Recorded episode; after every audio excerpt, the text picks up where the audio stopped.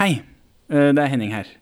Dette er enda en episode som jeg spilte inn før vi hadde ordentlige mikrofoner. Eh, Dette er den andre piloten vår, så lyden er ikke helt på topp. Men vi kommer sterkere tilbake til neste uke. Ja, og så sier jeg navnet til Anders Baasmo og Kristiansen feil gjennom hele podden, så det får du bare unnskylde. Hei, Benjamin. Hei, Henning. Vil du anbefale Buddy til noen?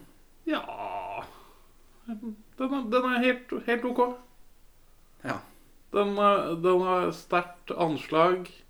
OK midt. Altså litt slapp og rar avslutning. Ja. Ja. Jeg ville kanskje anbefalt noe annet. Ja. Men det er helt greit, liksom. Jeg hadde ikke vondt nå. Nei, en- ja, den Vi tar opp eh, mental helse som et problem litt, og så- men så gjør vi ikke det samtidig. Det, det blir litt rart for meg, syns jeg. Men s- sånn er det jo på TV, da. På film. Beklager. Beklager, eh, skaperen av Buddy. Ja, for det er Trond Espen Seim Nei. Nei. Eh, Morten Tyldum er regissøren av, Nei, Buddy. eh, av jeg Buddy. tenk- Ja, Morten Tyldum. Kjent fra andre land. Imitation Game, ja. Ja. Kjendisregissøren Morten Tyldum.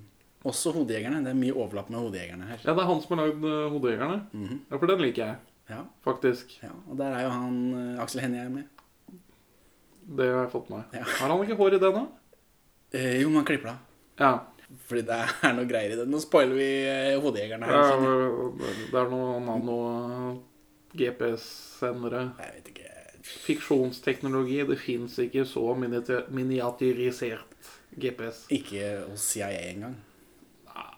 De er ikke så gode til å holde hemmeligheter, er det? Det jeg vet ikke. Chelsea Manning, eh, Freedom Fighter, eller hva den der siste likeren som sitter i fengsel, heter. Jeg vet ikke. Han har ikke jeg hørt om. Hun- Nå er vi utafor script, kjenner jeg. Ja, nå Kjør kjenning. Perla for svin. For en film. For en film. Jeg leste på internett at denne filmen gikk på kino i seks måneder. Det er ganske bra. Det er altfor lenge. Ja, men alle gamlingene skal rekke å se den på sånn matinévisning. Ja, for gamlinger ser på eh, f- filmer om 20-noe som bor i, i kollektiv. Det er veldig og mange- lager eh, jackass-stunt. Lager YouTube-klipp før YouTube. Det er veldig mange gamlinger her som er på, er med på en fest arrangert av dette guttekollektivet Ja, med Token Female, det Love Interest Vi begynner på begynnelsen her, da. Eh, faen, ass. Hva er det de heter? Jeg fikk ikke med meg navnet. Ikke tenk på det. Jeg har bare brukt skuespillernavnet. Ja, Så Hvor gammel tror du Aksel Hennie er i denne filmen? Han har hår. 26. Ja, han er 28, så det var ikke så langt unna. Hei. Alle disse er faktisk 20 år, da. Det ble jeg overraska over. Og selv Bosmo Olav. Ja, ja, han er jo yngre enn begge dem. Ja, for han ser eldre ut siden han er tjukk. Han er 27. Ja. Han, s- ja. ja. Wait adds years. Det begynner med at Nicolai Kleverbrok får nøkler av Janne Formoe. Hva syns du om den scenen? Den var veldig, veldig tydelig i sitt språk. I sitt mandat. I sitt- Dette er, dette er noe. Og så blir Nicolai Kleverbrok veldig klein for nøkler. Når han får nøkler av kjæresten sin. Ja, jøss, er vel det han, sånn han samtykker. Ja. Ja, jøss. Ja, jøss. Det er jo klart og tydelig samtykke. Ja, med et forvirra ansiktsuttrykk. Er det sånn du reagerer når eh, denne kvinnen du er sammen med, vil ta steget videre i, i forholdet? Eh, ingen kommentar. Ingen kommentar, nei. Nei, det var som å se inn i livet ditt. Ja, altså som eh, mann med noen forpliktelsesissues, så var det jo litt relatable. Men òg veldig tydelig at Janne prøver å kommunisere at hun liker han veldig godt og vil ta steget videre. Han liker henne veldig godt, og hans argument er da at da skal man holde det i status quo, der det er bra. Han ville jo helst bare bo med Aksel Hennie. Og Boltmo. Mest Aksel Hennie, tror jeg. Ja. Er Aksel Hennie og Nicolai Klevebrok på begynnelsen av 2000-tallet Norges Matt Damon og Ben Affleck på 90-tallet? Skriver de nå? Er Uno Aksel Hennie har vel skrevet og regissert Uno? Å, Nå er jeg ute på tynn is. Han har regissert den, tror jeg. Jeg har ikke sett Uno. Nei. Den er på lista. Yay. Og vi googler.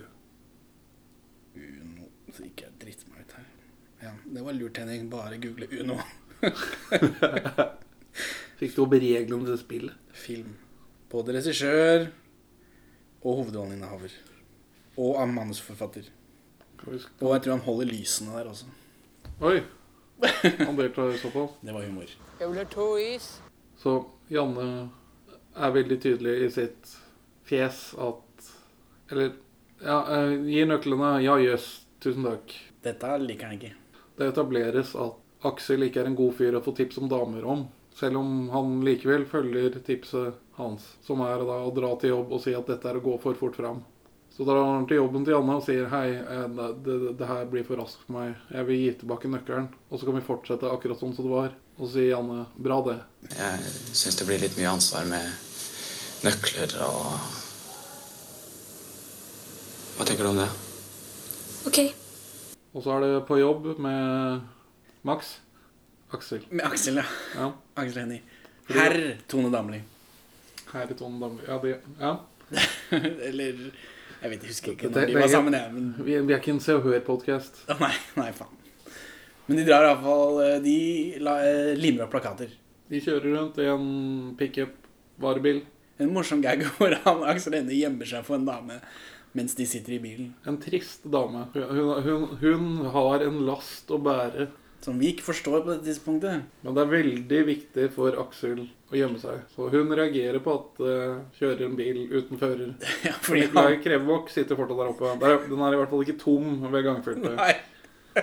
Det likte jeg godt. Ja, men altså, det, jeg synes at det, det, det var et tight manus. Ser hun hitover? Det er ingen som kjører bilen, Geir. Ja. Hvorfor er kvinnen som krysser gaten, trist? Og hvorfor er det så viktig for Aksel Hennie å gjemme seg? Nei, fordi Aksel Hennie er secret dad. Da-na-na-na. Han har feid over en 16-åring da han mest sannsynlig var 16. Og så er det blitt unge av det. En stor kid. Sju-åtte. Jeg er ikke så tørsten egentlig. For det er, det er noe, flere tråder i disse livene til disse 20-somethings. En film om kjærlighet. Og vennskap, tydeligvis. Og eh, mental helse. Ja, på en Ikke så måte. mye mental helse, Ja, egentlig. det er- det er bare litt sånn tilfeldig. En visual gag. Ja, eller det er sånn eh, Det er sånn filmmental helse. Han har, e han har ett issue Ja, han får angst, som, han går over, som, han, som går over i løpet av filmen. ja, for han får angst av å forlate Tøyensenteret. Ja, nå drar vi langt av gårde her, men ja. Åsmund Simensen. Han bor på treningssenteret, har angst for å gå utafor treningssenteret. Skal vi- Skal vi gå tilbake til anslaget? Nicolai Kløverbrok får nøkkel av Janne Formoe. Blir særdeles satt ut av det. Så drar de på jobb. Og øh, Og de ser en container. Altså, hele Nicolai Kløverbrok Gjennom hele filmen så filmer han med et kamera. For dette er før man hadde kamera på telefonen. vi har sett et shot av hylla deres hvor det er DV-tape og DV-tape og DV-tape. og DV-tape. Litt mye, kanskje. Ville du vært venn med en sånn en? Eh, Har du vært venn med en sånn en? For du er sånn type som kunne vært det. Jeg tror jeg har, vært, jeg har vært venn med noen som har prøvd det i to minutter, og så gått veldig fort lei, fordi det er kjedelig å filme ingenting. Altså, Men jeg, har, jeg kjenner noen som har hatt altså, Jackass-program. Shoutout Live som loker. Live som loker. Ja. Som jeg alltid prøvde å pushe at de skulle rebrande seg som en norsk sitcom, sånn at de kunne ha 'Livet som loker'. Ja, for Jackass var svært når det gikk. Denne filmen er ute i 2003. Så det er litt, det er litt late to the Jackass-party. Ikke spesielt. Det Er er, ikke det Jackass var 2001? 2000 til 2002. Ja. Eller minus filmer og Det er sånn. old da. Det holder news på ennå, på liksom. tidspunktet. Ja, det er det jo, men vi henger jo litt etter, da. Ja. Jeg husker vi drev med det på eh, Jeg husker på avslutning på ungdomsskolen. Så hadde 10. klasse, noen av gutta på 10. klasse lagd Jackass-film som de viste fram på skolen. Blant annet så var det to av de som hadde boksehansker på og boksa hverandre. Han ene knocka han andre ut. Sånn var det på skolen i gamle der. Ja. ja, for eh, der jeg kom fra, så er det Livet som loker, og så var det et, et eller annet annet. Det var to konkurrerende Jackass-grupper. Åh. Det fantes ikke YouTube, så de l- hadde sine egne hjemmesider hvor de lasta opp disse elendige videoene. Ja. Nei, så langt tror jeg ikke vi kom, eh, men jeg husker det var mye snakk om det. Det var svære greier, liksom. Ja, for, eh, det er et kjent Jackass-stunt er når de flipper den golfbilen, og Johnny Knoxville nesten dør. Er det Johnny Knoxville som nesten dør, da? Eller er det Bam Margera? Jeg husker ikke. Det er fra filmen, i hvert fall. Jeg mener å huske at det er Johnny som nesten dør. Det er mulig. Så de hadde sin ekv- samme greia hvor de s- kjører ned en lang bakke med et hopp i en handlevogn. Ja, det, det er livet som loker. Dette er livet som loker. Ja, når ikke den flipper- filmen Buddy. Du flytter rundt. Og det, ja, det er nok det er, det er veldig Godt argument for å dø. Livet som lukker der, altså. Ja, jeg må tilbake til filmen. Tilbake til filmen. De treffer De ser en container med søppel i. Og da driver noen og kaster ut masse madrasser. Fra Fjerde etasje i, På TV 2. Ja. Hva slags program drev TV 2 og produserte som gjorde at de hadde ekstremt mange madrasser? Var det madrasser Jeg husker ikke Var det ikke sånn lydisolasjon, liksom? Ja, men de var veldig for- madrassformatert, men det kan jo være at madrassfabrikken prøver å diversify Det kan hende. Det er sånn eh, formmadrasser som følger deg. Ja. Når du legger den. Veldig bra for podkasten, den bevegelsen der. sånn, Litt sånn thrilleraktig håndbevegelse. Ja, for det er sånn man legger seg ned. Så de bestemmer seg for å snike eh, social engineere seg inn på TV 2 Fordi- treffer Elin Tvedt i heisen. Det er det viktigste. Og så snikfilmer de Elin Tvedt, som får det med seg, men likevel ikke reagerer. Ja, For sånn var det før når ikke man hadde kamera på telefonen. Da måtte du ha med et eh, ordentlig kamera som du kunne filme Elin Tvedt med. Istedenfor bare snikfilme med telefonen. Late som du gjør noe annet. Skriver SMS eller noe sånt, med kameraet litt høyt oppe. Alt var verre før. Og så finner de det rommet som er under konstruksjon eller ri- riving eller noe sånt, og så bestemmer Aksel seg for å hoppe, mens Nico filmer. Og så gjør de det. Det ene stuntet Aksel Hennie ikke har gjennomført selv i filmen. Ja, ifølge internett. Nå er det ikke så mange stunder i filmen, som sagt. Han sitter på en dom. Og så klatrer han i en mast. Ja, i en kran, ja. Kran. Kranmast. Kran. Mast, mastekran. Kanskje tre meter over bakken. Det hørtes veldig mye ut. Halvannen meter over bakken. L- Telelinse. Jeg er usikker på om det flyet var post, eller om det faktisk skjedde. Det har ikke de budsjett til. Og hvorfor skulle de gjøre det? Det kom et fly over, over himmelen. Og så Ja, ja. Altså, tilfeldigvis så fikk de filma det. Det er ikke noe grunn til å ha med det fly. Nei, det er sant. Men så må, kommer sikkerhet, eller byggemannen og sier bare Hæ, hva driver dere med her, ja? Og så står Nikolai igjen, og så, og så løper han. Og så mister han noen DV-taper foran noen folk. I TV 2-redaksjonen. Og så står Aksel Hennie forvirra utafor ved containeren og bare sånn hvor, Han så ser nervøst opp og hva, 'Hvor blir det av Nikolai?' Og så, står han, og så begynner han å slappe av når han kommer ut igjen. Og bare sånn, ja, hva, 'Hva skjedde med deg', ja? Selv om han løper i full kaos. Men han skjønner ganske fort at han må løpe etter. Det skal han ha. Inn i varebilen, stikke av. Det er mad høyt, ass. Det er et, et ishockeystigaspill er sentralt i, i filmen. Hva syns du om det? Har du noen minner om ishockey? Jeg- Stiga. Jeg husker å ha spilt det som barn. Ikke som noen og 20-åring i kollektiv. Nei, men jeg ble jo ikke noen av 20 før på 2010-tallet, så det er jo en helt annen generasjon, eller en halv annen generasjon siden filmen. Men de, de spilla går ikke på dato. Nei, nei, men... De fins fortsatt ennå, tror du ikke det? I boder i, i det, langs det ganske land. De har begynt å dukke opp på loppemarked det siste året. Eh, Men alt det, det altså greit nok at vi vet de har internett i leiligheten, men likevel er det... Gjør vi det? Ja, for, på grunn av jobben til Bossmann. Ja, ja, ja. Selvfølgelig. Eller jeg vet ikke om han deler internett med sine kumpaner. Jeg tror På den tida så var det nok ledning. Tror du ikke det? Jo, jo. Men Og sånn- dette er et ungt, hipt 20-something-kollektiv. Da spiller vi Stiga. Og så har de tre brettspill. ja, minst tre ble spilt. Hvorav det ene egentlig er det andre. Ja. Monopol og millionær er vel strengt tatt det samme spillet. Det er ikke helt likt, men ganske likt. Likt nok til at det ikke er noen vits å ha begge. Nei, altså hvis du først har monopol, så spiller du ikke millionær. Nei. Tror jeg er enig i. Har du noensinne møtt et sånt stigaspill som er helt? Ja, Har du det? som barn. Ja, det Sånn box fresh. Nei, det har jeg aldri vært borti. Hvor alle disse figurene er på plass, og hvor det ikke er noe knekk i plasten. Nei, jeg har stort sett bare spilt på hele, men det er jo 20 år siden. Stikkingen, gidder du å åpne, eller?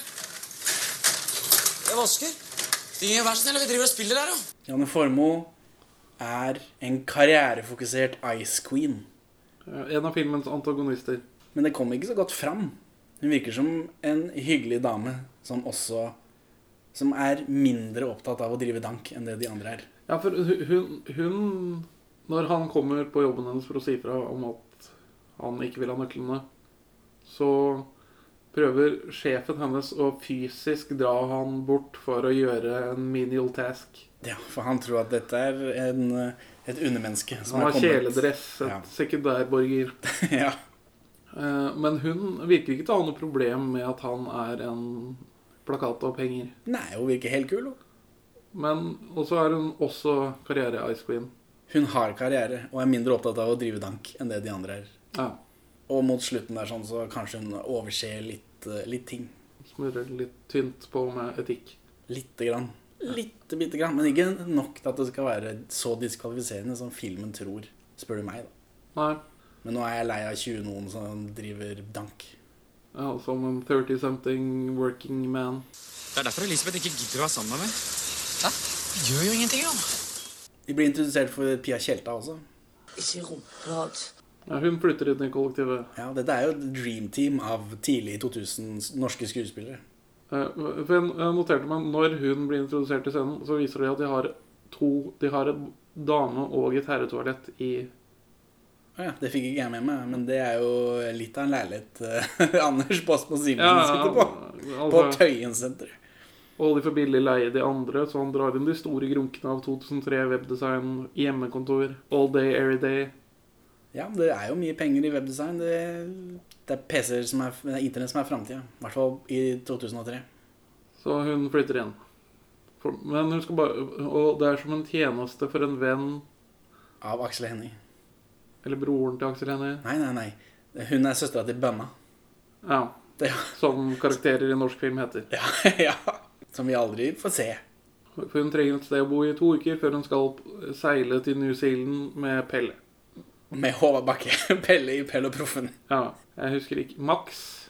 Er det Max han heter? Ja, jeg har ikke notert meg navnet på noen av disse karakterene. Nei. Det har ikke noe å si. Kan vi Han- ikke kalle han Pelle, da? For jeg, Jo, jo. Håvard er vanskelig. Ja, ja. Pelle. Pelle i Pelleproffen. han har en båt.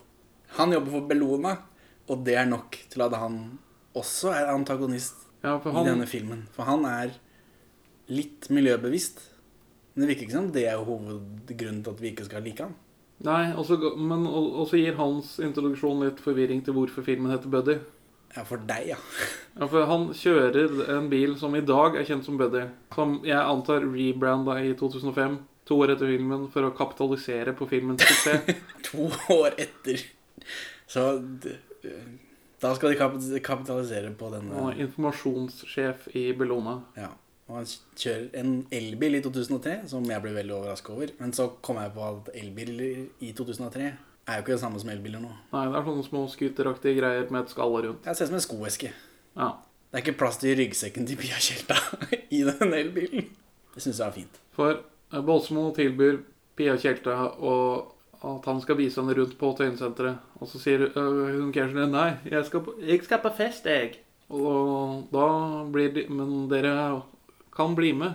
Så da blir vi introdusert for andre gang til Båsmos problem. At han ikke kan gå utafor Tøyensenteret. For Tøyensenteret har alt. Nå kommer det fram på slutten her når, når det klikker for han, at han er ikke så glad i Tøyensenteret som han egentlig gir uttrykk for. Han hater Tøyensenteret, Ja, men han er redd Han er veldig redd da, for å gå utafor Tøyensenteret. fordi Ikke tenk på det. Mora hans er død, faren hans skriver brev fra Florida. Det er det, liksom det vi har. han kunne ikke følge etter faren sin hele livet. Nei, det er noe, men de sier ikke hva. Jeg, for jeg, jeg, drev, jeg drev og lukta at kanskje faren hans døde på Tøyensenteret eller noe annet. At han ikke kan Mora hans døde på Tøyensenteret hvis han fikk den leiligheten av henne, eller arva den av henne. Ja, men hun må ikke nødvendigvis ha dødd der. Nei, for så vidt. Og så dro han i begravelsen og så tilbake til Tøyensenteret. Nei, for, men han sier jo i filmen at det begynte da han fikk denne jobbe hjemmejobben. Ok, så Han han, har har- jo bodd et halvt år i hele verden. ja, for han har reist hele verden rundt. Han har vært på Hamar og fire andre globale steder. Minst. New Zealand vet jeg det, men han har bodd et halvt år i New Zealand. Men Det virka som det var i forbindelse med jobben til faren hans. Mor er trygghet, mens far er tilfeldige steder i verden. Ja, vet jeg, akkurat så dypt fikk ikke jeg med meg. Men det var, Vi fikk høre mye om familien hans, men ikke hvorfor han ikke tør å gå utafor tøysenteret. Men han er redd, da. Generelt redd. Og så kommer det noe kritikk av øh, å ha en elendig jobb når det er på fest. Ja, for der er det jo mye kunstnere. Fordi dette er jo en Bellona-fest. En informasjonssjef hos Bellona-fest. Det er jo han, det er Pelle som, eh, som holder denne festen, og der er det mye kunstnerfolk. Og de tror at Nicolai Kleve Broch er gatekunstner. Men fordi han henger opp plakater bare ute på gata. Men det er han jo ikke. Han henger opp reklameplakater. Og så er Janne på festen, selv om den er slutt. Janne er overalt i denne filmen her. Uansett hvor Nicolai Kleve Broch drar hen, så er Janne Formoe der. Og sjefen hennes, som hun nå dater, Fredrik, da truer han med bank. Så han er en sånn slags sekundær antagonist. Ja, men Det blir han- bråk hvis han prøver å kontakte henne igjen. Ja. Så da beskylder han henne for å stalke henne når han dukker opp på festen. Ja, du har begynt å følge etter henne nå? Nei, jeg er invitert. Ja, helt sikkert. sjefen til Janne Formoe er en antagonist jeg kan stille meg bak. Han er sint på Nicolai Klebrok hele tiden, uten egentlig grunn. Og det viser seg til slutt at han er gift, og han er en klyse. Mens Janne Formoe og Pelle er jo hyggelige folk, egentlig, som bare vil helt normale ting som er det motsatte av det Nicolai Klevebrok vil. Som for, for han er egentlig en dust. Ja. Eller eh, han er en, en sopp... Han er en damemagnet. Det er det som er problemet hans. er At både Pia Tjelta og Janne Formoe er så fryktelig forelska i han, og ikke forelska i han på et tilfeldig tidspunkt. ja det, det er jeg veldig av og på. Men jeg føler ikke at Janne Formoe Jeg liker Janne Formoe, jeg. Som etablert. Og, og Pelle også Jeg tror ikke jeg ville hengt så mye med han, men alt han sier og gjør, er jo veldig hyggelig. Ja, jeg- eller han, har- han, han negger eh, videoene deres på et tidspunkt. Ja, Han gir dem et men han er- backhanded kompliment. Ja, det er jo veldig bra for eh, sin sjanger. Ja, men det er jo bra, det, da. Det er jo hyggelig, det. Han blir rørt av denne eh, Aksel Hennie-videoen. Og fint innslag om sønnen din. Han var veldig rørende. For nå, nå er de på TV 2. Ja, ja, fordi han, eh, Nicolai Kleve Broch, stakkars, mister jo masse videoer på TV2. Og er det én ting TV2 liker, så er det å se på videokassetter som ligger på gulvet, og så bare gjøre de til stjerner.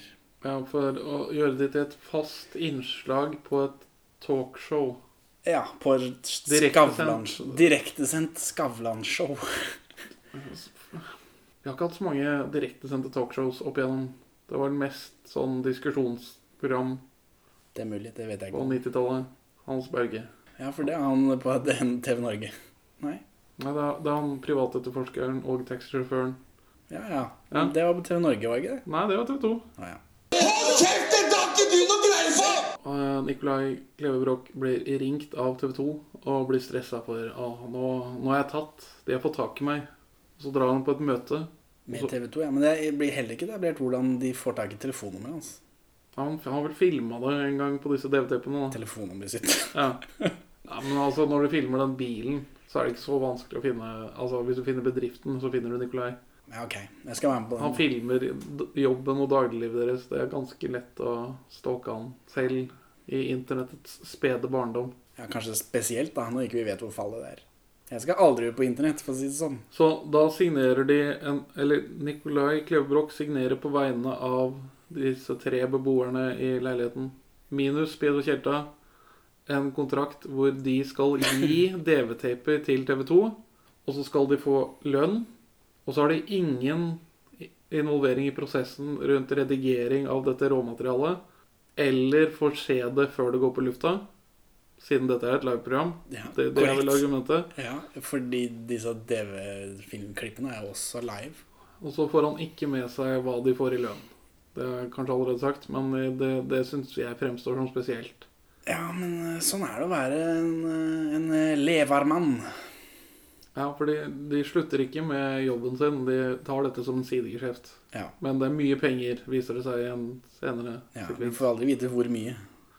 Så for to plakatopphengere så er det mulig det er mye penger, men det er ikke sikkert det er så veldig mye for normale folk. Og så vises, får vi se én video av at de gjør sprell.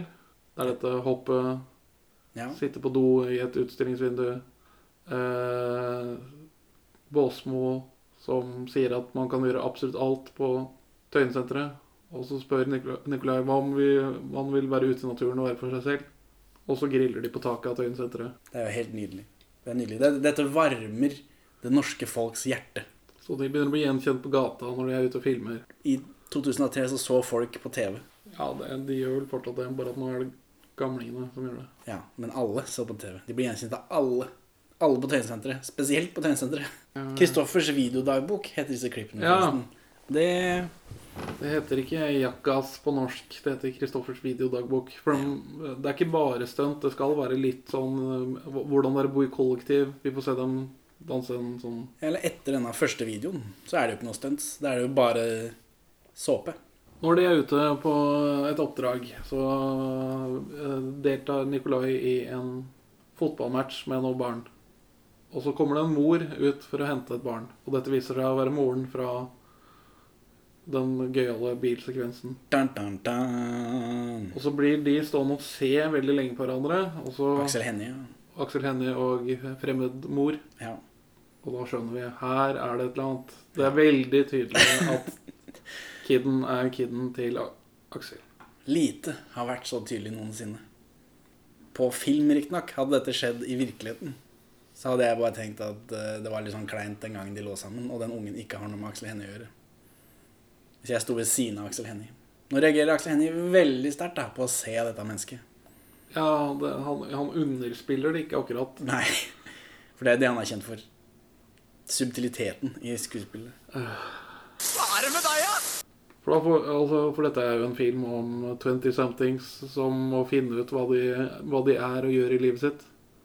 Ja, det må finne seg sjæl... Finne kjærligheten. Ja, Det handler om å finne kjærligheten.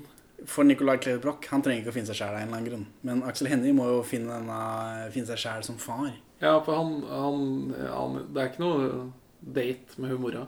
Nei, nei. For de har ikke sett hverandre siden de lå sammen som 16-åringer. Men det virker som om Uvisst, de Aksel- treffer, jo- han treffer jo absolutt hele tiden i denne filmen, så Ja, jeg skulle jo det er jo- tro det. Hun bor i gamlebyen, byen de bor på Tøyen. Jeg vet ikke, jeg kan ingenting om Oslo-geografi. Ikke? Bor ikke du i Oslo? Jo, men jeg kan fortsatt ingenting om Oslo-geografi. Nei. Jeg trodde Vålerenga lå ved den sportspuben som har noe med Vålerenga å gjøre, som ligger rett Bohemen. Ja, Ja. jeg trodde, Midt, eller rett ved Karl Johan. ja, jeg trodde, jeg trodde Vålerenga lå der Ja, inntil i På, fjor. på Karl Johan. Ja. Ja. Nei, det stemmer ikke. Nei, nei, så Men jeg bor ikke i Oslo. Nei, nei, men du har sett mer norsk film enn meg. Det er sant. Så jeg har, det har blitt etablert hvor ting er. Men Aksel Hennie, dad of the year. Ja, for- Denne ungen, de stirrer på hverandre. Og så eh, drar Aksel Hennie og klatrer i en kran i raseri. Ja, for han, han får en litt sånn bout of eh, Han blir litt selvdestruktiv av Ja, men det er bare den ene gangen han er selvdestruktiv. Ja, ja for han, han gjemmer det, han pakker det inn inni seg og Ja. vil ikke la det affektere han. Nei, for han later som det er gøy. Se så kul jeg er nå som klatrer opp i denne. Og så sitter han oppå der og gråter. Ja, for det ser man helt på slutten at han Han har det vondt inni seg. Helimone, jeg ville blitt verdens verste helgepappa. Og så kommer Nikolai hjem en dag, og så sitter han eh, Han pjokken, Aksel 2, sitter der med en fotball. Utafor døra, ja. Ja, Hvordan vet denne ungen at han bor der? manuset trengte det. Ja. Det kan hende. Og så tar han med seg Nei, vent. Det er fordi de har vært på TV. Ja, det er jo Og Tøyensenteret er jo en, en viktig karakter i, disse, i Kristoffers videodagbok, Ja, det, er, tydeligvis. ikke- det er ikke en anony- anonym aktør. Nei. Drev opp salgstall eh, for Tøyensenteret. nei. Så eh, Nicolai Klevebrok tar med seg en unge inn. For det er det man gjør når man finner en fremmed unge på dør... Ja, Terskel. gratis ny unge. Ja. Yes. Mer ansvar. For det er det Nicolai Klevebrok vil ha i denne filmen. Han, han vil ha mer ansvar. Og så klikker Aksel. Aksel Hennie knuser glass, han hyler og skriker. Ungen er i rommet. Ja, ja, det- altså Dette er hans første møte med sin far. Etter at han har liksom gjort koblinga. sånn halvveis. Fordi et senere så blir, så for, blir det liksom fortalt at den ungen At dette er faren din. Høres ut som på den mora at ikke han visste det. Eller? Ja, eh, Altså, mora sier vel at han gjorde koblinga når de sto og stirra på hverandre så lenge. Og så har han identisk munn som Aksel Hennie. Ja, altså det er en blond unge, da. Og en, ja, det skal godt gjøres å finne et barn som ligner på Aksel Hennie. Steve Buscemi. Terkel. Men hvis den ungen antar at alle som mora ser på, er faren hans Men barn, og meg- barn sanser mer enn vi voksne tror. De er gode på å ta stemninger og følelser og sånt. Det er det, ja. Men jeg nekter å tro at Aksel Hennie er det eneste kleine one night standet den dama har hatt. Hun må ha sett på andre menn også. Det er lov å ta seg en liten pust i bakken og tenke over hva man driver med etter at en one night stand med Aksel Hennie. Ta seg en liten pause, reevaluere seksualitetvalgene sine. Hvor står du på Aksel Hennie, egentlig? Norges eh, store sønn. Jeg foretrekker at han ikke er med i filmer jeg ser på. Å, såpass? Ja. Det var jo veldig krast, da. Tenk om Aksel Hennie hadde hørt dette. Han, han kommer til å gjøre det. Jeg ser på meg at Aksel Hennie er en fyr som googler. Googler sitt eget navn. Det er korrekt. Ja, ja. Han har en sånn fast sånn automatisk podcast-søk for å se om han blir nevnt. Men har du sett noen av disse engelskspråklige filmene hans, da? Nei. Ingen? Nei, men Hvilken er det? Det er jo Hercules. Det er noen sånne Cloverfield Paradox. Nei, den er Siste ikke- sesong av 24. Jo, jeg har sett eh, The Martian. Ja, stemmer han er med der også. Ja, men han spiller eh, russ- Tysker. Tysker, ja. Age of Heroes. Ingen som har hørt om, bare jeg. Poeng til meg. Sean Bean er med. Han gjør en helt grei jobb i The Martian, men Ikke mer enn det. nei. Aksel Hennie er skuffa, det er jeg sikker på. Norske filmer, da? I et speil i en gåte. Det var Den, Den er dårligste- du veldig den glad i. dårligste norske filmen som er laget noensinne. Det skal jeg bevise feil i løpet av meg og podkasten. Ja, det tror jeg faktisk på. Men herregud, for en elendig film. ja, jeg har ikke sett den. Den har jo noe til felles med denne ved at den tar opp vanskelige temaer uten å behandle de godt. Det er vel også en film fra 2000-tallet. Eh, ja, 2008? Eller 2009? Det er mulig. Noe sånt. For den, denne filmen tar jo da opp Altså, hva, hva er de forskjellige karakterenes pr- problemer her? Eh, Nicolai Klevebrok eh, sliter med kjærligheten fordi det er for mye damer, og så for lite damer, og så for mye damer litt over hverandre. Eh, Båsmo er låst, fanget, på Tøyensenteret av det jeg antar er angst. Ja, Agorafobi heter det vel hvis du er redd for å gå ut. Men han er redd for å gå utafor Tøyensenteret. Ja, men altså, eh, hva man definerer som et hjem, kan jo utvides, da. Altså, Tydeligvis. Hvis han hadde bare utvida hele verden til sitt hjem, så hadde ikke han hatt noe problem. Nei, men han, han tør jo å gå ned på Tøyen stasjon, da, som jeg, er det en del av Tøyen senteret. Ja, men du er låst inne Du på kan en gå måte. under tak derfra fra Tøyen senteret, så det er vel godt nok. Ehm, og så er det Aksel Hennie som vil være en 20-something dagdriver dankegutt. Dunky. ikke en dunker. Vi kommer til det. Vi kommer til dunkere senere i podkasten, det er jeg sikker på. eh, som ikke Han er redd for farsrollen, men vi vet ikke hvorfor. Eh, og Pia Tjeltan, da. hun sliter òg med for mye kjærlighet, tror jeg. Gjør hun det? Jeg vet ikke helt hva greia med Pia Tjelta er. jeg. Hun er vel til for at Nicolai Klevebrok skal ha noe å gjøre. Ja, for Når hun deltar i kollektivlivet, så får hun se at Nicolai Klevebrok er en veldig snill fyr. Som er snill mot Båsmo Ja. fordi han arrangerer en bursdagsfest etter at faren til Båsmo har sendt brev fra Florida og spoiler det. At han har bursdag, ja. Ja. Ja. Og da blir alle på Tøyensenteret med for å lage en fest for Båsmo. Og det er ikke mange som har en kompis som har gjort det for henne, skal jeg si deg. Nei, men Pia Tjelta sier også at Pelle i Pelleproffen er snill. Ja, og det er han, Og jo, det er han jo. fra- fra alt vi kan se. Ja, Så det er egentlig Pia Tjelta her som er eh, skurken. Som er det motsatte av snill, men ikke slem. Nei, for- Hvor ligger det, i denne bursdag, etter denne bursdagsfesten så ligger Pia Tjelta og Nicolai Klevebrok sammen. De har den høflige utroskapssamtalen, for han er fortsatt på jageren etter Janne Formoe. Han Ja, jeg er, kan egentlig ikke fordi jeg har hud der. han er s- Janne Formoe har slått opp med Nicolai Klevebrok, men Nicolai Klevebrok prøver alt han kan for å få henne tilbake. Ja, han, eh, mens dette foregår, så er han vel i tre dagers venteperioden før han kan ringe uten å virke desp. Ja, det er vel noe sånt, ja. Men han er singel, i motsetning til Pia Tjelta, som påpeker at hun ikke er singel. Men så er det greit allikevel, for Pia, da. Ja. Jeg husker ikke hva hun Vi, sier. vi burde ikke. Vi De burde ikke. burde ikke, og så gjør de det allikevel. Ja. Men så angrer hun seg bitte lite grann sånn på morgenen. Ja, nå er det det ringer på. Og det er Pelle fra Pelle og Proffen. Faen, faen. Faen, faen. Så løper hun med eh, dyna rundt seg inn på rommet og begynner å pakke sakene sine desper desperat. Ja, det er fordi de skal jo på båttur. Ja, de skal Hun teste. skal jo seile til New Zealand til slutt. Dette er den første testturen. da. Hun blir ikke borte for alltid her. Nei. Hun blir borte litt. Og så vil Nikolai avklare hva, Vi må bare snakke Vi må snakke om det. Hva, hva var det som skjedde? Så, Det er jo forståelig. på en skjedde måte. ingenting. Det skjedde en feil. Drite meg ut. Jeg driter meg ut. Jeg driter redd i buksedraget. Stakkars Nicolai Klevebrok. Han har ikke gjort noe galt. Pia Tjelta derimot har gjort noe galt. Hun er utro mot stakkars Pelle i Pelle og Proffen.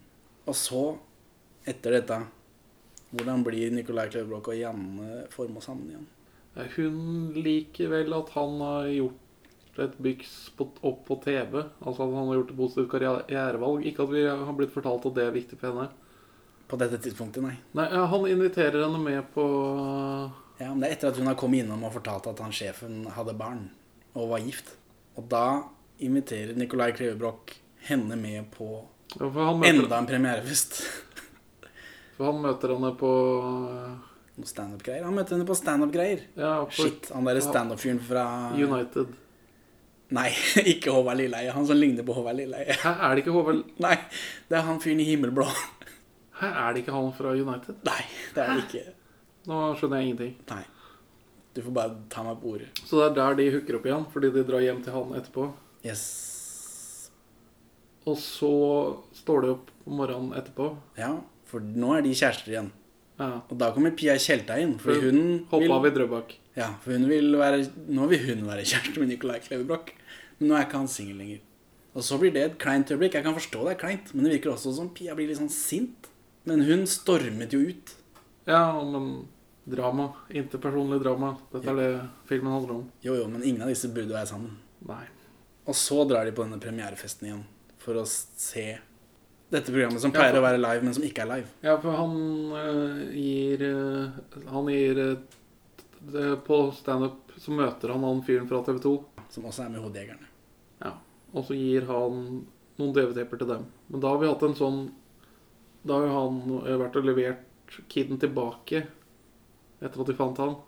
Og da filmer han Aksel kiden. Hennie har vært og levert denne ungen tilbake etter at Nicolai Klevebrok fant ungen på Tvensenteret. Ja. Og i denne bilturen så er det tydeligvis det å sitte ved siden av en unge som er sin egen, som han ikke har hatt noe med å gjøre på en sju-åtte år.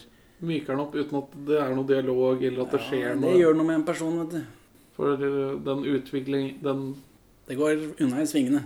at Aksel Hennie t- syns gutten sin er kul fordi han sitter ved siden av ham mens han kjører bil, det virker litt rart. For han er bare kjempedust.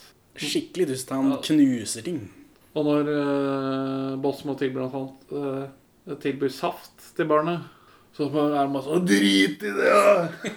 da! Ikke snakk til den ungen der! Nei, han er veldig aggressiv. Denne ungen skal eh, skys. Så Og så slipper de av denne ungen. Og så er Nicolai Kløverbrok er selvfølgelig oppe med det dumme kameraet sitt og filmer. For han har ikke en biltelefon med kamera. Og filmer dette rørende øyeblikket hvor denne ungen blir sluppet av. Han der er sønnen din. Ja, var ikke han en kul fyr? jeg?» Faen, du skulle vært skuespiller, du, vet du. Ja, takk. Og den tapen gir Nicolai Kløverbrok til TV 2. Ja, for de beskrev det ikke som De beskrev det som et øh, jackass med hjerte. Ja. Nå har de droppa jackass-greia. Nå er det bare hjerte. Ja, det har det jo egentlig vært. eh, Ja, den første tapen vi får se, der er det litt Jackass. Men etter det så er det bare hjerte. Nå har ikke jeg sett Senkveld på lenge, men er det, er det sånn? Jeg, jeg, den ser ikke på TV. Nei, ikke jeg heller. Tommy Stene og og H.C. Andersen. Senkveld med Tommy Stene og H.C. Andersen. Så da drar de hjem til denne talkshow-verten for å se på episoden sammen og spise middag. Ja, hvor Janne Formoe gjør masse connections, får seg jobb og greier i Ja. TV 2. Hun er jo eh, For nå blir hun øh, antagonist igjen. Ja, for nå Det er først nå jeg i hvert fall forstår at dette er en, en iskald karrierekvinne. Før dette så har Janne Formoe bare vært hyggelig Janne Formoe med sørlandsdialekt og greier. For øh, Nikolai har jo signert en kontrakt hvor det står ja på. ja, på alt. For han vil gå, før, mi- han vil gå etter programmet er vist og før middagen. Ja, fordi de viser dette programmet hvor de outer Aksel Hennie som far. Kanskje Nicolai Klevebrok ikke skulle gitt fra seg den teipen, da. Med akkurat den. Nei, altså kanskje spurt om å få se før det blir vist på TV, i hvert fall. Ja, det er også en mulighet, da. Men så langt har ikke han tenkt, fordi dette er før nettvett. Han bare antar at alle i TV 2 vil han vel. Og at de kan lese tankene hans. Men da stopper karrierekvinne Janne Formann fra å dra. Ja, for dette er eh, et viktig Dette er en viktig, et viktig selskap i hans karriere. Dette er eh, virkelighetens LinkedIn, dette, denne middagen. Ja, for dette er før LinkedIn også, selvfølgelig.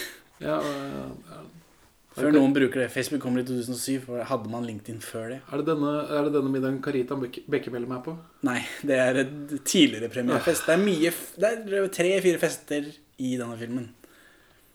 Og Ka- Carita Bekkemellem er med igjen. Ja. Ehm, Og, og han som vinner eh, Big Brother første året, er er også med igjen. Det er mye sånn eh, tidlig 2000 reality ja, Kråkeslottet. Kråkeslottet blir referert. Av, eh, for de som husker det. Robinson, selvfølgelig. Ja, Hå- ikke Håvard Lilleheie holdt på å bli med på Robinson, men han klarte det ikke. Nei. Kim Joakim het han det. Han som vant eh, Big Brother første året.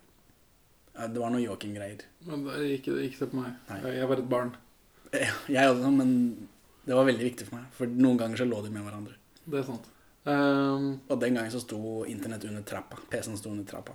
Det var det eneste. Det var ikke noe du, var- du var liksom Harry Potter med internett.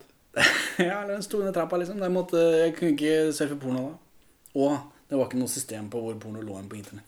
Det var veldig farlig. Ja, det var et kaos. Ja. Men Aksel, når, han, når middagen er over, for Nikolai ender opp med å ikke dra, så er Aksel Hennie enig med Nikolai om at han burde dratt med en gang programmet var vist. Du kom ikke engang hjem for å forsvare deg, eller noe annet. Og så blir han sint.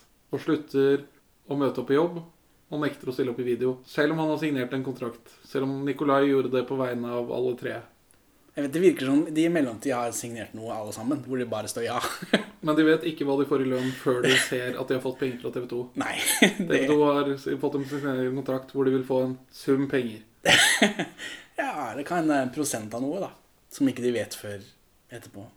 Prosent av reklameinntektene på den reklamen som går rett etter det klippet hennes. Nå tenker jeg mer på dette enn de gjorde når de signerte. Ja, men det er jo ikke vanskelig. Aksel Hennie er sint, for han er outa som far. Og Nicolai Kleverblokk kom ikke hjem med en gang. For han tenker bare på karrieren sin, han nå, nå som han er sammen med iskvinnen Janne Formoe. Dattera til kaptein Sabeltann, bare så det er nevnt, da. Ja, det er for de som ikke har fulgt med i timen. Ehm, Hvor er Pinky? og, så- og så tar eh, filmen på liksom opp problemet med å drive gjøn på bekostning av de mentalt syke. Og det går et NRK1-debattprogram hvor Kim Haugen er og deltar. Kim Haugen som da er programleder. Talkshow-vert. Ja. Og så lyver han om at Bosmo er en skuespiller. ja han tror Bosmo er en skuespiller. For det sier Nicolai Kleverblokk når de først treffer hverandre. Har vi, eh, har vi nevnt at i videoene så vises det at eh, han er redd for At det, det, det gjøres et humorpoeng. Vi har nevnt det, men filmen gjør ikke det før i dette øyeblikket. Nei, for jeg, jeg, Hver gang de prøver å ta T-banen, som er liksom symbolet for å forlate Tøyensenteret, er å ta T-banen derfra. Eller å krysse de antiterror... eh, Ja, Eller gå ut av skyggen fra Tøyensenteret. I Tøyensenterets skygge. Du skjønner jo ingenting, du. Tror du det er gøy å være meg? Hæ? Jeg hater Tøyensenteret. Jeg hater det, men jeg er redd, ikke sant? Jeg er bare redd. Og vil jeg bare at du skal like meg. Hver gang han altså, skal bli med på fest eller bli med på standup, eller noe annet, så finner han på en unnskyldning for å dra tilbake og sjekke at ovnen er skrudd av, eller huske å låse døra. Vi, Kommer vi, senere, vi han blir kommer aldri. fortalt at eh, Vi blir vist at uh, Rogalands-Berthe er snill, Pia Tjelta. for hun gir han en unnskyldning til å dra og sjekke noen gang. Jeg kommer senere. Hver gang, hver, hver gang jeg har en sånn scene, så ropte i hvert fall jeg 'tving han inn med makt'. Det er ikke Og, og det, men det, det gjør de aldri når vi ser på, men når det vises på TV, så skjer det én gang. Ja, han prøver, da. For moro skyld, kanskje. Ja, jeg vil tro det. Og det er veldig opprørende for TV-pub- TV-publikum, tydeligvis. Uten at vi har fått noe hint om dette før det- vi tilfeldigvis ser dette debattprogrammet på TV. Ja. Før Nicolai Kleve Broch Da ser blir- dette debattprogrammet. Da blir På TV. det viktig for TV 2 at han skal stille opp i studio for å bevise At han er en skuespiller. ja. og Som det, bare later som han har problemer med å dra fra Tøyensenteret. Han eh, bestemmer seg da for å dra fra Tøyensenteret. Ta T-banen. Han virker gira. Aksel Hennie Men sier det at er han jo alltid. Når, det er, når de skal på fest, eller noe sånt, så er han med igjen. Helt til, det kommer, helt til de er nedpå der og skal dra. For da må han sjekke ovnen. I dette som kan kalles et klimaks, så er han gira på ordentlig. Liksom, nå, da skal det gjøres, på en måte. Så da skjønner jeg at han glemmer å kjøpe billett. Og så kommer forviklinger og the lowest point når eh, Nicolai Kreverok, etter å få kjeft av Rogalandsberthe, så prøver han å ombestemme seg, og hvor han skjønner at dette blir en for stor påkjenning. Og da knuffer de hverandre, og så ender det med at Bosmo hopper på T- T-banen, og så går dørene igjen, og så kommer ikke Nicolai med. Så da får vi en sånn visuell fremstilling av angst ute i verden. Det er mye sånn blurry Folk kjenner han igjen og ser på han. Ja, og det, da. Det er ikke- blir ikke noe bedre av å være sånn halvveis TV-kjendis. Nei. Og så får Så blir han tatt i kontroll. Men blitt tatt i- kontrolløren bare slipper han av, siden han lukter angst eller noe annet. Jeg vet ikke. Men jeg har aldri bare blitt sleppet av når jeg er tatt i billettkontroll. Nei, det går jo som regel ikke den veien. Så da går han av tilfeldigvis der han uansett skulle av, på Majorstua. Ikke Stortinget, som er nærmest TV 2. Men det er fordi Janne Formoe skal hente de i bil. Grunnen til at de skal ta T-banen ut, er fordi de skal filme det og gjøre en morsom intro til intervjuet. Ja. Nicolai Kleverblokk filmer ikke dette, for han er selvfølgelig veldig opprørt. Og så kommer Pia Tjelta, som er der av en eller annen grunn. Og så drar de Pia Tjelta er på T-banen, ja, hvor eh, Nicolai Kleverblokk står opprørt igjen etter at T-banen har kjørt av gårde med eh, Bosmo. eh, Og så kommer det en ny T-bane kun to minutter etter, selv om dette egentlig er 15 minutter akkurat imellom denne T-banen. Janne Formoe hiver, eh, hiver Anders inn i bilen. Dette, dette er jobben, jobben hennes. Altså et ø, angstoffer er ingenting. Jobben hennes er å, å, å få gjester til dette programmet. Han blir hivet inn- han blir hivet inn i en bil med et stort TV2-logo på, og så flekker de av gårde til studio. Og så kjefter Pia på Nikolai igjen når, for de kommer til studio. Og ikke drite deg ut nå.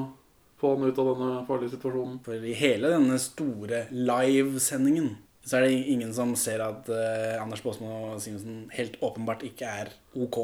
Så han er nedsunket som en ball, han ser i gulvet. Han sitter og rister, han er helt fra seg, liksom. Men de klarer å gjete han opp på scenen, da. Og Synnøve Skarbo er der. Selvsagt. Det er tidlig på 2000-tallet, dere. Synnøve Skarbø er til stede. Som gjest nummer tre i dette programmet. Vet du hva det kan være parfymen min? Fordi at når jeg hørte at det skulle være ungsauer her i huset. I fjøset. På T-banen der, når Pia Tjelta kommer løpende, så krangler hun og Nicolai Klevebrok. De kjefter på hverandre. Begge har gode poenger. Disse menneskene bør ikke være sammen. Var de kjærester på tidspunktet? Uff, Har de vært kjærester? Ja, har de ikke det? Det følger jeg ikke med på. Faen, ass, må jeg slå opp det òg. Pia Tjelte er jo sammen med han eh, Arne Treholt i eh, Ninjatroppen. Seim. Ja, nei, Yay! Austdal. Austdal. Austdal Seim. Nei. Seim Austdal. Trond Seim har ikke noe med dette å gjøre. Uff, Pia Tjelta. Kjenner fra Buddy. Hei yo. Og lunsj. Ikke romrat. Privat mellomrom liv. Pia Tjelta fikk sitt første barn i 2001 sammen med Kyrre Haugen Sydnes. Hun har siden 2014 vært sammen med Oddgeir Tune. De har et tvillingpar sammen. Hvem er det Mats Austdal er sammen med? da?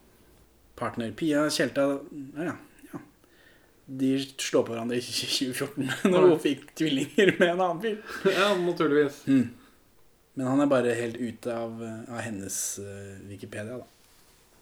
Så hun har vel redigert den selv, antar jeg. Hei og Og det kom fra deg? Så drar de sammen til dette TV-studio, hvor eh, Anders Båsmo Simensen sitter og skjelver ved siden, ved siden av Synnøve Skarbø.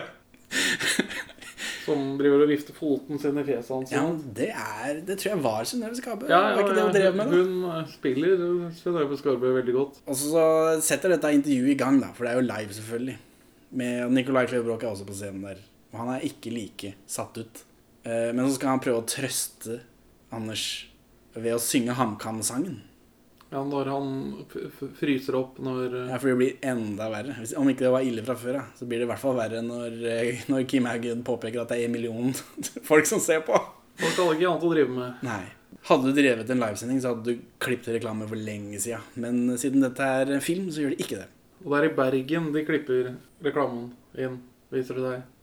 For Ja, altså. han, han som styrer TV-sendingen i Oslo, han ber Bergen om å løse problemet. Men Bergen gjør ingenting. Typisk Bergen. Så de synger denne HamKam-sangen, da. Og de, eller Nikolai gjør det. Han prøver å få med seg publikum, tror jeg. Uten at det er noe, noe sånn kjempesuksess. Nei, det funker ikke så bra. Det er tidligere etablert at begge er fra Hamar, men Bosmo har flytta pga. faren flytter rundt omkring i verden. Og Nikolai eh, flyttet fordi foreldrene hans skilte seg. Så de har røtter til Hamar, og, men heier fortsatt på laget. Ja, eller poenget Og det er at det de eneste de har til felles. Fordi de har jo et sånt leier-utleierforhold. De er egentlig ikke venner, Nei. men siden Nicolai Klevebrok vil ligge med Pia Tjelta, så er han ekstra snill med Bosmo. Jeg tror ikke det. Jeg tror det, det Pia Tjelte-greiene er mer en bieffekt. At han er en hyggelig fyr mot, eh, mot eh, landlorden sin. Ja, De er ikke venner. De har ikke kjent hverandre mer enn noen uker. Og grunnen til at de kjenner hverandre, er fordi han leier hos den. Det tok litt tid før de skjønte at han ikke forlot Tøyensenteret. Men uansett så roer han seg ned, da. Til slutt. Så vil han gå hjem, ikke Ja. ta T-banen. Nei, for nå er han kurert for sin fobi. Ja, men han, jeg, jeg følte han ikke ville ta T-banen fordi det var et angststed.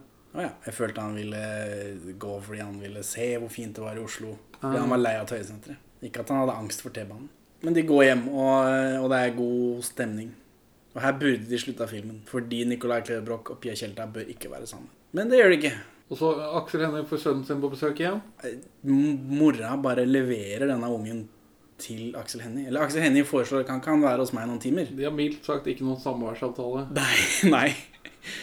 Og da sier hun ja, selvfølgelig, ka- hvorfor kan ikke du, min syv år gamle sønn som aldri har sett faren sin, bare være hos denne fremmede mannen som tilfeldigvis deler genene med deg? Ja, men det skjø- skjønner jeg. Altså, gutten har et hull i livet sitt. Han vil fylle det med en farsfigur. selv Ja, om det er men Aksel Hennie. ikke alene. Altså, Som mor så kan ikke du slippe fra den ungen til en fyr som tilfeldigvis deler genmaterialet. Hun er nok litt sliten på tidspunktet. da. Det kan stemme. Men noen timer er tydeligvis over natta. Ja, for det blir det til slutt. Ja. For nå er Aksel Hennie helt åpen for av pappa. Han har habituert til sin nye rolle. Nå er han eh, far Bærer han på skuldrene og greier. Ja, ja, han er fulltidsfar, han nå. Denne, den moren ser vi ikke igjen. Seks, eh, sju år på, sju år av. Det er barnefordelingsavtalen deres. Og mens denne ungen ligger og sover, så har tydeligvis Anders Båsmo Simensen og Aksel Hennie vært ute og malt på plakater i byen. Fordi Pia Tjelta skal dra til denne båten. Hun og Pelle fra Pelle og Proffen skal reise til New Zealand med båt. I den bitte lille dumme elbilen. Og når de kjører nedover gata, så er det plakater hvor, eh, hvor Nicolai Kleve Broch uttrykker sin kjærlighet overfor eh, for Pia Tjelta. Uten at Nicolai Kleve Broch vet om det på forhånd. Ja, Pia, ikke dra. Du er sexy og deilig. Min kjærlighet for deg er som en varm rose. Eller noe annet. Ja, det var noe sånt. Helt, helt til kaia, siden de skal dra fra kaia og ved festningen der. De kjenner hele ruta. Nikolai vil gå av. Han samtykker ikke. Nei, Nikolai blir jo dratt med i bilen. Aksel Hennie, dad of the year, kjører med ungen på fanget. ja, Ingen har settebelter. nei. Dritbra. Ikke bra. Det, det, derfor skal du ikke bare gi fra deg ungen din. De kjører nedover. Nikolai Klebrok er imot dette, med god grunn. Men eh, han kom, ombestemmer seg da når de først er der nede. Han, han dumpa vel Janne Formoe opp på vei ut. Dette var en dårlig idé eller noe sånt. Jeg er forelska i en annen. Ja, det var det. Men Pia Tjelte har Ja, når de kommer ned på kaia der sånn, så får Så har båten allerede dratt fra kai, men de har fortsatt mulighet til å snakke med hverandre. For de er såpass nærme ennå. Og Pia Tjelte lurer på hvordan det skal gå mellom dem. Fordi de har en litt sånn dårlig track record. Og Nicolai Kleve Broch sier Det finner du ikke ut av hvis du drar nå. Men jeg vil jo gjette at eh, tidligere oppførsel er en indikator på fremtidig oppførsel. Så jeg vil jo tro det kommer til å gå rett åt skogen. Så han hopper i vannet. Ja, det ender ender med at han, eh, han, han roper 'Å, jeg elsker deg, Pia Tjelta', og så hopper han i vannet. Og Pia Tjelta er sånn ja, pff, 'Hvorfor ikke?' Og så hopper hun i vannet også. Og så film slutt før vi ser at, eh, at klærne deres tar til seg for mye vann, og de synker. Jeg heier på Janne Formoe. Janne Formoe kan få Nicolai Kleve Broch frem i livet. Han, nå er han allerede på TV. Neste steg nå ja, I 2003 eh, Robinson, da. Han er jo vant til å være live på TV. Ja, han er jo Og så blir han eh, Så blir han programleder for pff, Melodi Grand Prix Junior. Og så er det bare rett oppover den veien der. Så plutselig så er han eh, er programleder i Dagsnytt 18. Sammen med han fyren fra Hotel Cæsar. Ja, naturligvis. Sånn utviklingen går i norsk TV. Ja, eller Debatten, eller hva det er for noe. Er, er det sånn at dere nå er, dere er litt nostalgiske? Jeg syns skuespillet var overraskende bra ofte. Ja. Mesteparten var naturlig. Det var en og annen replikklevering som kanskje satt litt Noen surt. ganger så ble det veldig norsk film. Noen ganger, men veldig mye av det var I Føltes som folk som bodde i kollektiv, sånn ish. hvert fall i leveransen. Eh, men det, det trekker Altså, det er fint at filmen setter søkelyset på angst, på en måte. Jeg tror ikke det var, jeg tror ikke det var meninga med filmen. Jeg tror det bare er en sånn bieffekt. jeg. At de trenger ting som skal skje i en film. For han vinner jo beste skuespiller, beste mannlige hovedrolle. Helt sikkert en Amanda-pris. Altså spiller man utviklingsutfordret, så vinner man. Det er ikke det regelen. Jo, jeg tror det. Men det, det, det, jeg syns det, det tar fra litt at man, ikke, at man ikke følger opp karakteren hans mer, da. Han har angst, og så blir han litt bedre på slutten etter å ha hatt et sånt massiv angstpeak. Jeg tror ikke det er sånn angst fungerer. Nei, habituering er lurt, da, for hvis vi skal ta det som Det er vel en av de eneste behandlingsformene som fungerer. De vet jo at de skal på intervju den kvelden, så de kunne fint prøvd å gått litt utafor treningssenteret på formiddagen der. Ei lita tå utafor senteret. Ja, før lite man- grann, så han kanskje får øvd seg litt. Da hadde klimakset blitt mindre dramatisk, da, selvfølgelig. Ja. Men eh, alt dette kunne jo egentlig vært unngått bare de hadde hatt en blogg istedenfor. Ja, men det, du får ikke den nødvendige videostøtten. da. Altså, Han skal kunne skrive om hvordan det er å være en plakatopphenger som gjør Jackass stunt. Og så flyr Nei. han ut av vinduet. Ikke nødvendigvis Grasiøst, Jackass-stuntene, sensual. men alt det når ikke de gjør noe. Det kunne han fint bare skrevet. ned. Hjertedelen av Jackass med hjerte. Det er morsomt, det der eh, programmet deres. Det der eh, funker fint i sin sjanger. Er det noe du vil at folk skal se istedenfor den? da? Nei, altså, hvis du var 20 i 2003 og så den filmen her da, så liker du den sikkert fortsatt nå. Ja, det kan hende. Jeg vil, eh, jeg vil heller anbefale bare å se Jackass. jeg. Ja. Du hørte på podcasten Perle forsvinn. Ha det, Henning. Ha det bra, Benjamin. Takk for at du hører på Perler for svin. Du finner oss først og fremst på perleforsvin.no, men også på Twitter under perler-for-svin, Facebook som perleforsvinpod, eller du kan maile oss på perleforsvinpod at gmail.com. Gi oss gjerne en eh, rating i din lokale podcast-avspiller, og, og legg igjen en beskrivelse, så folk skjønner hva det er for noe tull vi egentlig driver med. Her er ukas Pål Bang-Hansen-sitat ute av kontekst. En nymoralistisk film om sidesprang. Jeg dreit meg ut. Det betyr ingenting. Det er klart nok.